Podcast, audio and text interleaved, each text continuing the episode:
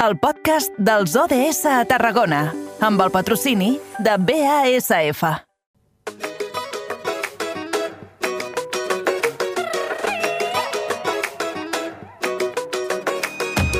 Saber-te els pulmons plens d'aire fresc que ballen cada bater. En l'abraç d'aquest bressol ballem amb la dansa que porta el teu nom. Sento que es pot néixer de nou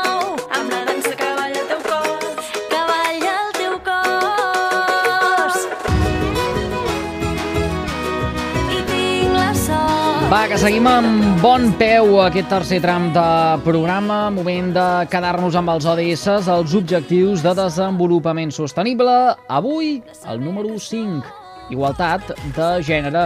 Saludem la nostra companya de la nova ràdio de Reus, Angela Mayo. Bona tarda, bon dimarts. Molt bona tarda, Eduard. I bé, com justament estem a les portes del 8M, també farem una mena de d'entrada cap, a, cap a aquesta secció, cap a les dones referents en la lluita de la defensa dels drets humans. I com cada 15 dies analitzarem aquesta vessant internacional amb el Gonçal Barrios, membre i impulsor de la coordinadora d'ONGs de Tarragona. Bona tarda, Gonçal. Bones tardes per tothom. Dones defensores dels drets humans, Gonçal, ara tu ens mencionaràs alguns noms propis, però abans de començar, creus que la gent coneix prou el paper que han fet les dones en la defensa dels drets humans? Com el definiries? No, ni, jo penso que no es coneixen, se coneixen poquíssims, els que surten a la premsa, no? que són una absoluta minoria, però no solament de dones ni d'homes tampoc no es coneixen. No? Potser es coneixen alguns casos molt específics i molt concrets, però perquè interessa en algun moment donat. No? Però hi ha una manca, perquè n'hi ha moltíssimes persones que diàriament i de forma constant estan lluitant de forma anònima i quan lluiten pels drets humans i pels temes ambientals no estan lluitant solament per ells i per les seves zones humils, i estan lluitant per la naturalesa i per les persones en general. Hi ha una manca molt gran de coneixement d'això. Sí. Uh -huh. I si haguéssim de dir noms propis, quines són les dones que han marcat la història dels drets humans i per què? Bé, de dones n'hi ha moltíssimes que han marcat, n'hi ha més o menys conegudes. A mi se m'ocorreixen tres persones eh, que les explicaré un momentet si em dones una miqueta d'espai. Eh? Uh -huh. Una d'elles seria la Berta Cáceres, eh, d'Honduras, l'altra és una tal Esperanza Martínez, que explicarà el per què, d'Equador, i després la Rigoberta Menchu, de Guatemala, que va ser Premi Nobel de la Pau en el seu moment. Bé, la primera, la Berta Cáceres, eh, està a Honduras, va néixer a Honduras, va néixer eh, el, el, 19, el 2000... Perdona, Berta Cáceres va néixer el 1971 i va morir, penso que era el 2016, no? va morir amb 45 anys.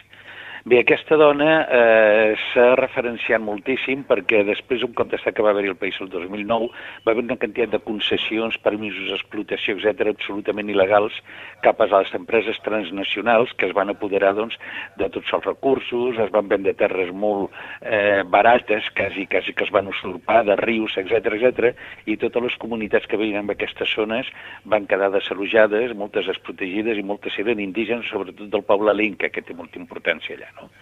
És important aquesta dona perquè se li va concedir el Premi Gullman el 2016, que és el premi, eh, és com un premi Nobel a nivell de, ambiental més important del món, no? I bé, eh, hi havia un, hi ha una revista que es dedica molt a aquesta història, que es diu Global Witness, que és una revista eh, britànica, que el 2017 va titular amb el seu informe que Honduras és el país més perillós del món per l'activisme ambiental, d'acord? Eh, aquesta dona eh, va tenir unes pressions terribles, la van amenaçar, la van seguir, etc de tal forma que mm, la van assassinar el 2016. Hi ha un llibre que van presentar eh, fa una setmana i pico, el dia 23 de febrer, aquí a Tarragona, eh, a la llibreria La Capona, mm. que es diu ¿Quién mató a Berta Cáceres? Escrita per una periodista del The Guardian, que és un Nina, Nina Lacani, que és una periodista d'origen indi. Bé, aquesta és la primera vegada que es va reunir amb la Berta per començar a treballar tota la informació que podia obtenir d'ella per anar elaborant el llibre, ja li va dir ella, li va el ejército tiene una lista de asesinatos encabezada con mi nombre, quiero vivir, pero en este país hay impunidad total, cuando me quieran matar lo harán. El 2015 li va dir a sa germana també, deia de la pressió que estava tenint no? com a lluitadora ambiental, no? bàsicament, los mensajes nunca paran, el acoso nunca se detiene, me tienen bajo vigilancia, no les importa que tenga hijos, esos hijos de puta me van a matar. i la van matar el dia 2 de març. La van criballar a trets a casa seva, a les 11 i mitja de la nit. Aquell dia, a casa seva, que venien d'una reunió, també hi havia un altre company que era un ambientòleg de Mèxic, que es diu Gustavo Castro, que li van disparar abans que amb ella estava a l'habitació del costat contigua, li van disparar, li va posar la mà, li van disparar la mà, li van arrencar contra les orelles i va sangrar moltíssim, i van pensar que estava mort i no el van rematar, i va viure. Aquest va ser un dels testimonis més importants, no? A més, aquesta dona va crear el 1993 una organització que és el Consejo de Organizaciones Populares Indígenas Honduras, el COPIN, que tingut moltíssima importància. De fet, eh, el 2019 va haver-hi un judici que ha costat moltíssim i van sentenciar 30 anys de presó a diversos que són testaferros, perquè els autors intel·lectuals de tota aquesta eh, diguem, repressió contra el moviment que defensa la seva terra i els seus recursos, entre la família Talasala, és una família molt important d'allà, aquests no han estat jutjant mai. Eh? Hmm. Després, parlem de, les... pa, parlem de, de Berta Cáceres, eh? En, sí, ens Berta hem situat Cáceres. A, a, ens hem situat a, a Honduras. Gonçal, Honduras. teníem més exemples, eh? Uh, per Sí. uh, posar. Uh, ens quedem a Guatemala o què?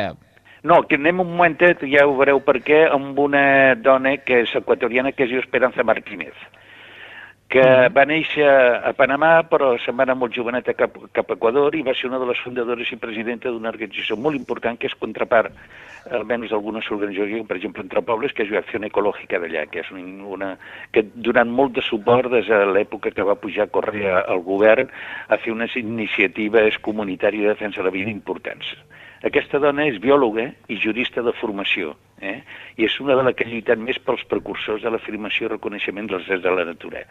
Ha estat al nivell que va participar en el procés de la nova Constitució que es va fer El Salvador, que es va aprovar el 2008, i va impulsar la inclusió dels drets de la natura dins de l'Assemblea Constituent i dins de la nova Constitució d'Equador. És l'única Constitució a nivell mundial que reconeix els drets de la naturalesa com uns drets de, de, de, de subjecte polític. És a dir, és l'única Constitució que reconeix els drets de la naturalesa com un dels drets normals i corrents que pot tenir la població no? i el mateix país.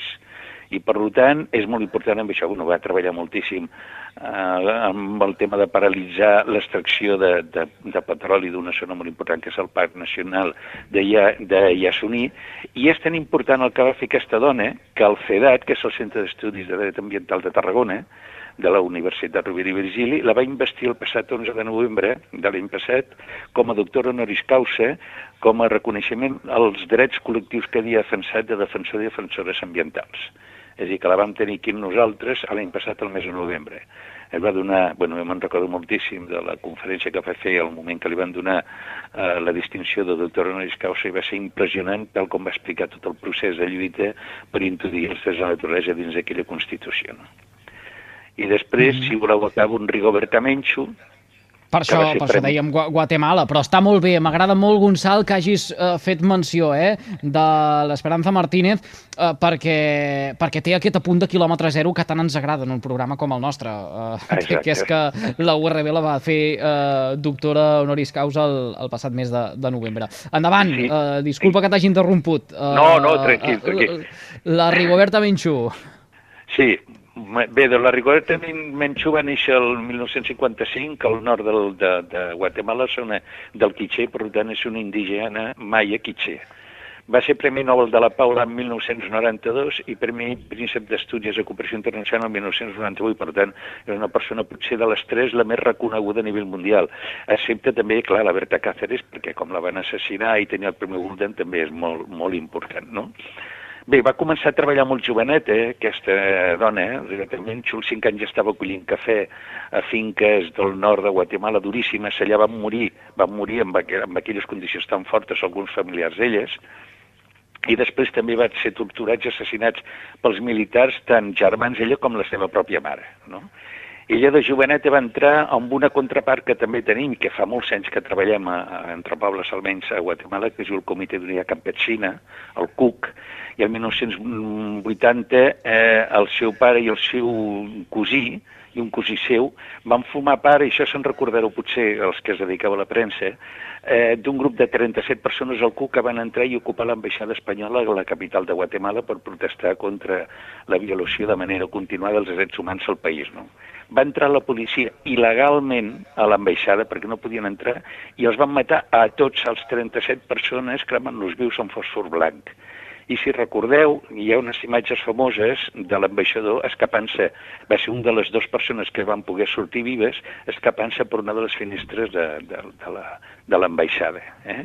Hi ha un llibre mm. també important d'un jesuït i un antropòleg que es diu Ricardo Falla, que es diu Massacres en la selva, que també explica com, dins de les moltes matances que feien, com van matar el seu germà, que amb un grup de nois els van agafar, van fer un clot, els hi van arrencar la pell a tires, els hi van tirar eh, petroli, gasoll damunt, i els van tirar dins del foret, els van cremar vius. Clar, imagina't tu el dolor que tenies que sense pell, això. Eh, bueno, eh, és, és una història de dones que potser no es coneixen gaire, perquè que és, és, és molt forta d'elles, es mereixen ser conegudes no? com, a, com a verdaderes defensores dels drets humans eh, avui, en el marc del uh, Dia Internacional de les Dones, que és demà, 8 de març, hem considerat oportú amb en Gonçal Barrios de donar visibilitat uh, a aquestes uh, dones no?, que van uh, fer la seva lluita en favor dels uh, drets humans. Estic convençudíssim eh, que eh, n'hi ha moltes d'altres i que mereixen també eh, que en parlem naltros aquí al programa. Haurà de ser però un altre dia. I per cert, em va molt bé que avui haguem, eh, eh haguem fet aquest eh, petit repàs o haguem eh, comentat la figura eh, d'aquestes eh, tres dones per explicar també, en clau així de proximitat i quilòmetre zero, que la regidoria d'Igualtat de l'Ajuntament de Creixell ha creat un joc de cartes per donar visibilitat a dones com, per exemple, la Rigoberta Menchú, l'Esperanza Martínez o, o la Berta Cáceres, uh, que dèiem ara tot just fa una estoneta. I precisament va en aquest àmbit, no? el de donar visibilitat. Uh, li han posat nom i cognoms en aquest joc de cartes que es diu uh, d'invisibles a invencibles. Uh, I en parlarem d'aquí a un parell de, de dies, ho farem uh, in situ des de Creixell. Uh, insistim, val molt la pena de uh, recordar la figura d'aquestes uh, uh, dones uh, que van ser unes grans defensores dels... són, uh, alguna encara, uh, de les que hem citat ara tot just fa una estona, defensores dels drets humans. Gonçal, uh, gràcies com sempre per compartir uns minutets amb tots nosaltres. Moltes gràcies a vosaltres per donar-nos opinió. Que vagi molt bé. A reveure i fins Adeu. a la propera. Uh, Angi, mira, precisament la unitat mòbil d'en Miquel Llavaria, uh, que és amb qui connectarem nosaltres ara, anirà dijous a uh, Creixell per fer-se ressò d'aquest joc de cartes uh, el que ara fèiem menció mentre parlàvem amb en Gonçal. Estarem atents, llavors. I tant com sí. Que acabis de passar un bon dia. Fins demà. Adeu.